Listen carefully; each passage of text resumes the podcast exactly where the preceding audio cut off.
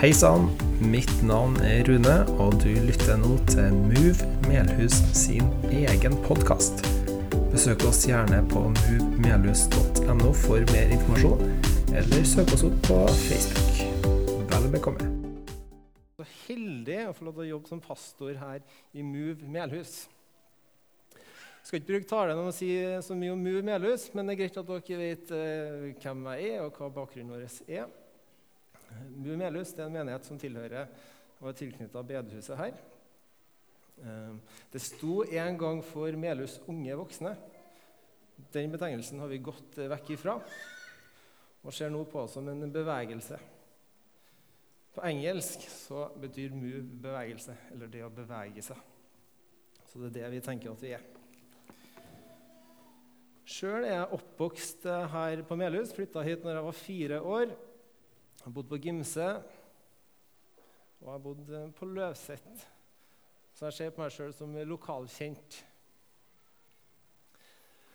Bedehuset har òg vært en stor velsignelse for meg som person.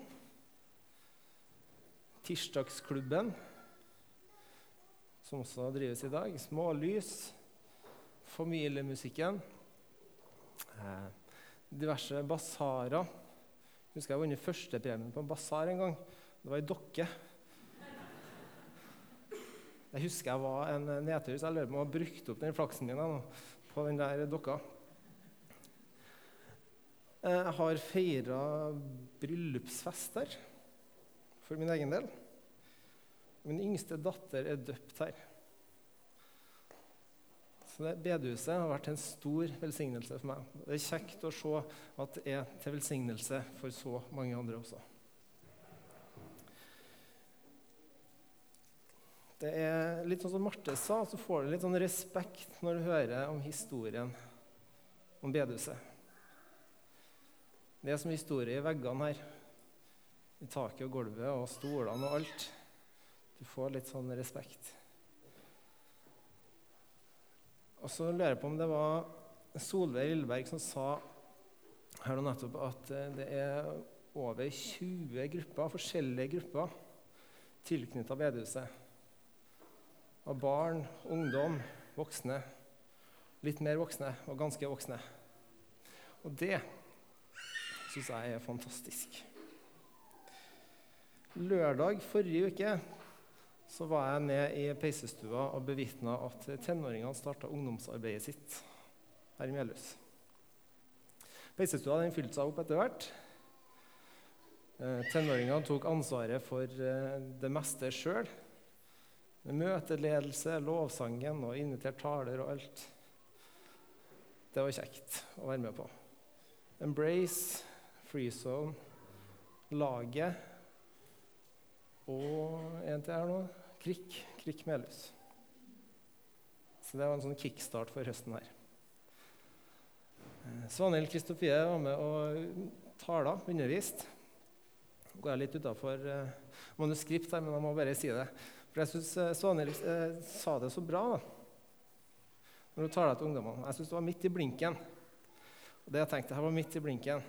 Så jeg gikk bort til henne for å si det. Så forsnakka jeg meg. Så sa jeg at det var midt på treet. sa jeg.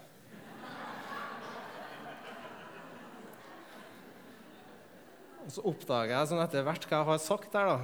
Så jeg prøvde å forklare meg litt at uh, jeg var midt i kjernen. Det var bra, det du sa. Så sa jeg det her til kona Lisa mi da jeg kom hjem. Kona mi da jeg kom hjem, at uh, ja, hva jeg hadde sagt. da. Så da sa jeg er du sikker på at du forsto hva du mente. Og da ble jeg litt sånn paranoid uh, utover uka. Men så traff jeg Svanhild her på bedehuset og fikk forklart hva jeg mente, men hun hadde heldigvis ikke hørt det der. Det var midt på treet, for det var det ikke. Men de her ungdommene, da, dem må vi be for. Jeg kaller dem ungdommene våre. Da må vi be for. Det er ikke sikkert at de trenger at vi tar over organiseringa og alt. Men vi må, vi må være der for dem. Vi må be for dem og støtte dem. Det sies at, et, for et, fell, at et fellesskap skal vokse og rekruttere nye, så er vi avhengig av at det har et barnearbeid. Eh, jeg vet ikke, Hvis ikke du er kjent med terminologien her, så snakker ikke om et tradisjonelt barnearbeid. Ikke gå offentlig ut og si at de har barnearbeid i kjelleren i bedehuset. Det kan misforstås. Men jeg tenker barne, barnearbeid, søndagsskole, tilrettelagt opplegg for ungene der de kan høre om Jesus. Eh, de kan bli kjent med Jesus. For, felles, for at et fellesskap skal vokse og rekruttere nye, så avhenger av at det er til stede, sies det. Det tror jeg stemmer. Det er selvfølgelig avhengig, av Den hellige ånd, at han virker. Men at det, det er ikke bare barnearbeidet. Kanskje glemmer vi at det er en generasjon her som legger til rette for dette barnearbeidet. Som har en brann, og som står, står på og står i det her. Og så glemmer vi kanskje at de igjen trenger også støtte og forbønn. Og så glemmer vi kanskje den eldste generasjonen som er så viktig. Det livet de har levd. Og den støtten og den eh, veiledninga og medvandrerfunksjonen de kan ha. Alle generasjoner er viktige i fellesskapet. Temaet for dagens undervisning er enhet. Når Paulus ber om det, og når Jesus ber om det, så tenker jeg at det er også noe jeg har lyst til å be om. Det er noe jeg også kjenner at jeg vil trakte etter. Vi er nå i en taleserie som vi har kalt 'Min merkelige familie' i, i MOVE. Og Bakgrunnen for, denne, eh, for dette navnet, denne tittelen, det at alle vi som følger eh, etterfølgere av Jesus, er Guds barn. Dermed er vi en del av en stor og merkelig familie. I hvert fall Sett utenfra så kan vi virke litt merkelig. I Galaterne 3,26 så kan vi lese kriteriet for, denne, eh, for, det å bli kalt Guds barn. Det hørte vi også før, uh, før i dag. For dere er alle Guds barn ved troen i Kristus Jesus. Vi er barn av Gud ved at vi tror på Jesus Kristus.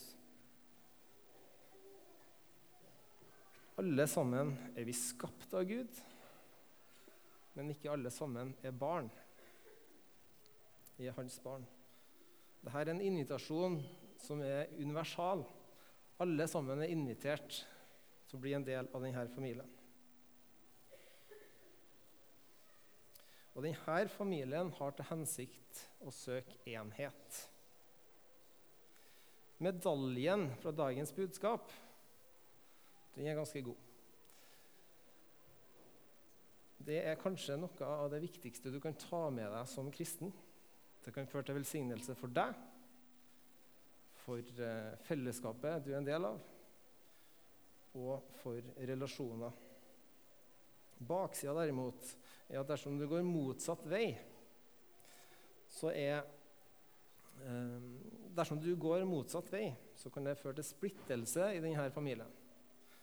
Såpass stor er kontrasten, altså. Enhet på den ene sida og splittelse på den andre sida.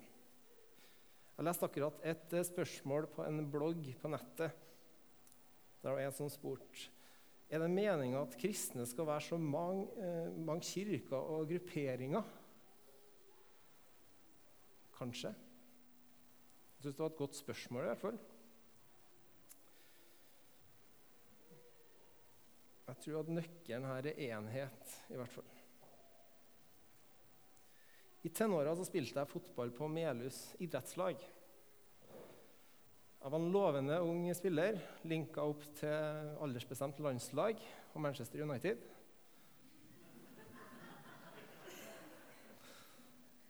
Nei, det stemte ikke.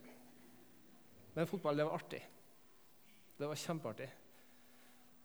Det er noe med at uh, du legger opp en taktikk, en plan.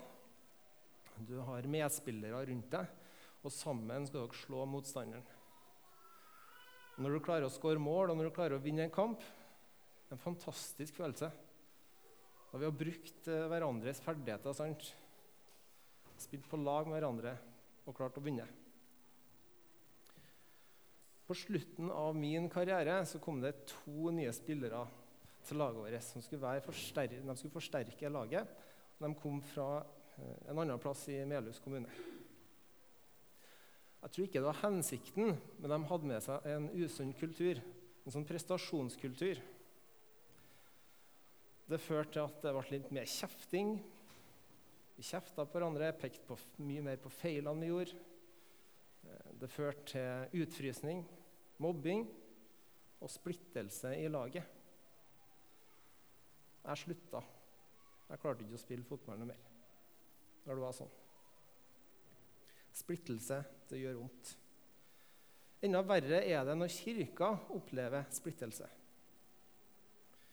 Når vi sitter på hver vår tue og tenker at vi, sånn som vi gjør det, det er den beste måten å gjøre det på. Vi er så mye bedre enn andre. Jeg tror vi har en vei å gå når det kommer til enhet. Hvis du er familiefar eller eh, mor, så kan du kanskje få en viss anelse i hva Gud mener når han ønsker en harmoni og en enhet innad i familien. Jeg har en datter på ett år som blir snart to, og så har jeg ei på tre som blir fire rett over nyttår. Og Gleden den var stor når de begynte å leke sammen. Før så var de liksom hver for seg. De trengte kanskje litt ekstra tilsyn, og de var med i leken. Så gleden var stor når de begynte å leke sammen, for da kunne jeg fått lite pusterom på sofaen på ettermiddagen. Og sitte der og observere at de leker med hverandre, at det er harmoni. Det var fantastisk. Men med denne lekinga så kommer òg kranglinga. Dyttinga og slåinga og klyping og jeg vet ikke alt, det. Og så tenker jeg at det går an å være så egoistisk, egentlig. Den der var min, den er min, sant? Og eh, jeg hadde den først, og så ser jeg nei, du hadde den ikke først. Går det an å være så egoistisk, kan jeg tenke. Så tror jeg ikke at det er ikke bare barna som tror at de vet best, men jeg tror det også eh, at vi voksne er litt der, men vi er, er kanskje på et litt annet nivå. Og det har jeg tatt meg sjøl i i det siste. At jeg har eh, sammenligna meg, eller sammenligna fellesskapet her med andre fellesskap. Det har kanskje ikke vært eh, en negativ tanke bak, men jeg har sammenligna oss. Og så har jeg sagt at sånn som de gjør det, sånn gjør ikke vi det. Vi gjør det sånn. Vi tenker at det er best. Så trekker jeg frem kanskje negative ting blant andre fellesskap, fordi at jeg sjøl og vårt fellesskap vi skal framstå bedre. Tilgi meg, Gud. Dette er noe jeg måtte ha omvendt meg fra. Jeg tror ikke det er sånn vi skaper enhet. Håper du aldri hører fra meg noe mer at jeg snakker negativt om mine medsøsken eller andre kristne fellesskap. Gjør du det, så må du gjerne ta meg til side og si at det du sa der, det syns ikke jeg var rett eller greit. Det må du gjerne gjøre. For Et mål jeg har, er jo ikke perfekt, selvfølgelig. Men et mål jeg har, det ønsker jeg ikke å gjøre. Hvordan tenker du omtaler du dine medsøsken og kristne fellesskap? Har du tenkt på det? Hvorfor skal vi søke enhet? Hvis vi står sammen, så tenker jeg at vi er ustoppelige for hva vi kan gjøre her på jorda som er til Guds ære. Hvis vi ikke står sammen, hvis vi er splitta, så tror jeg vi er svake og ineffektive i den måten Gud ønsker å bruke oss. Vi skal hoppe inn i en bønn av Paulus som adresserer viktigheten av at Guds familie blir en enhet. Nettopp fordi at det er til Guds ære. For dere som ikke kjenner til Paulus, så var han en, eller han er en sentral person av Nytestamentet. Før han møtte Jesus, så het han Saulus. Og Saulus han hata kristne. Han forfulgte dem og oppfordra og var med å drepe kristne. Og På sin vandring til Damaskus så fikk han et møte med Jesus som forandra livet hans radikalt. Han begynte å bygge og plante menigheter. Og brevene, Mange av brevene som vi leser i Nytestamentet, er Paulus som adresserer og sender det her til eh, menighetene som han har annet vært med og planta. Menigheten i Rom planta ikke han, men han kjente mange som var til, en del av denne menigheten. Mest sannsynlig pga. Uh, hans mange misjonsreiser. Og så skriver han et brev til Rom, der vi kan lese Ikke bare skriver han, men han ber også. Eh, jeg leser fra oversettelsen En levende bibel. Romerne 15, 5-7. Jeg ber at Gud, som oppmuntrer og gir varig utholdenhet, skal hjelpe dere til å leve i fullkommen harmoni med hverandre. Fullkommen harmoni med hverandre. Og at Jesus Kristus vil bli idealet for, for dere. Da kan dere alle sammen hylle Gud, Han som er far til vår Herre Jesus Kristus. Aksepter derfor hverandre på samme måten som Kristus har akseptert dere. Da blir Gud æret. Ofte når Paulus ber, så forklarer han hvorfor han ber det han ber. Gjerne, si, gjerne så sier han det fordi det er til Guds ære, slik at Gud blir æra. Da blir Gud æra. Jeg tenker Det er en fin måte å, å tenke sånn når man ber. For Da vet du nesten er det her ber jeg for Guds vilje nå, eller ber jeg for min egen vilje. Ganske lik er bønna som Jesus ba rett før han skulle bli tatt til fange. I Johannes 17, 20-23. Men jeg ber ikke bare for dem, men også for alle som i framtiden begynner å tro på meg. Altså, han ber for meg og deg. På grunn av budskapet deres. Far i himmelen, jeg ber om at de skal leve i fullkommen enhet på samme måten som du og jeg er ett. La dem være i oss, på samme måten som du er i meg og jeg er i deg, slik at menneskene kan tro at du har sendt meg. Den herligheten du ga meg, har jeg gitt til dem, slik at de kan leve i fullkommen enhet, på samme måte som du og jeg er ett. Jeg skal være i dem og du i meg, slik at deres enhet blir total. Da skal verden forstå at du har sendt meg og at du elsker dem like mye som du elsker meg.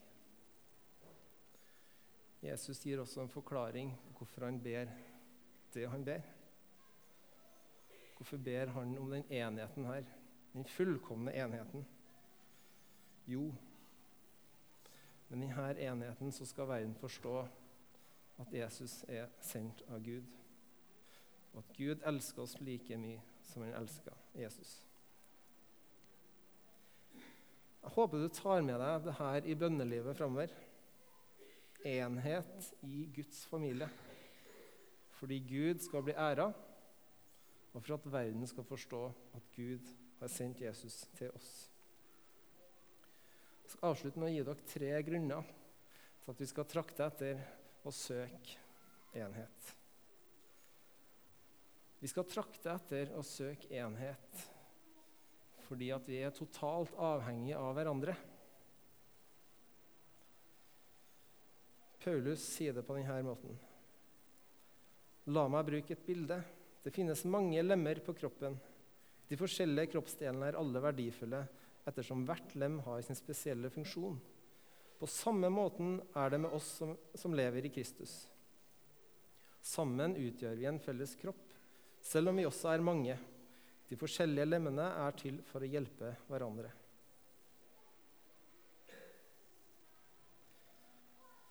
Det å være en enhet det er ikke det samme som å være ensarta.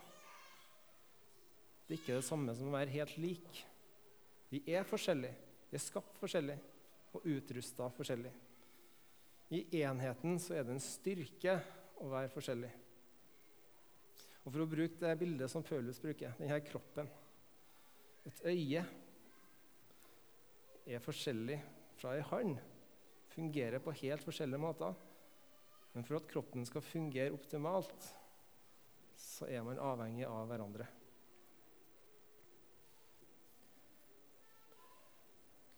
Hvorfor skal vi søke enhet? Nummer to at da vil verden se Guds kjærlighet. Vi hopper tilbake til Romerne 15. Aksepter derfor hverandre på samme måten som Kristus har akseptert dere. Da blir Gud æret. Det greske ordet for å akseptere her, det Eh, nå er jeg noen teologer her, der, så om jeg, eh, om jeg uttaler det her rett, det får vi ta etterpå. Aksepter. Proslambano. Det ligger noe i det ordet, da. Det er et flott billedlig ord som betyr å ta imot i armene. Omfanget.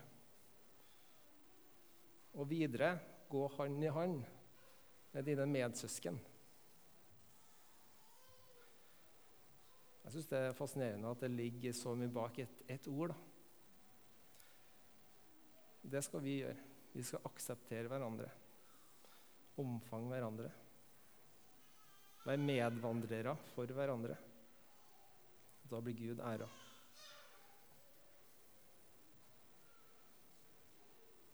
Nummer tre. Hvorfor skal vi søke, be om enhet? For vi kan gjøre så mye mer sammen enn hva vi kan hvis vi er separert. Det er fascinerende å se på de første kristne, hvordan de levde sammen, og den enheten som de hadde.